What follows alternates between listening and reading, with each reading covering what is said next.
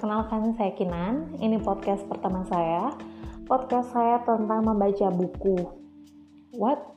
Ya, bener. Saya akan membacakan buku buat pendengar setiap podcast.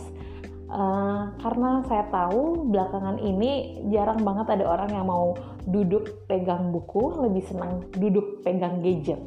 Tapi kenapa harus buku? Ya, buku tuh masih banyak banget informasinya dan nggak ada di laman-laman Facebook atau YouTube jarang banget.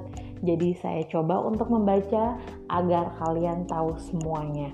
Buku apa aja sih? Banyak sesuai request. Tapi untuk pertama, saya akan membacakan buku yang bermanfaat ya. Buku psikologi untuk kehidupan sehari-hari. So, enjoy. Thank you.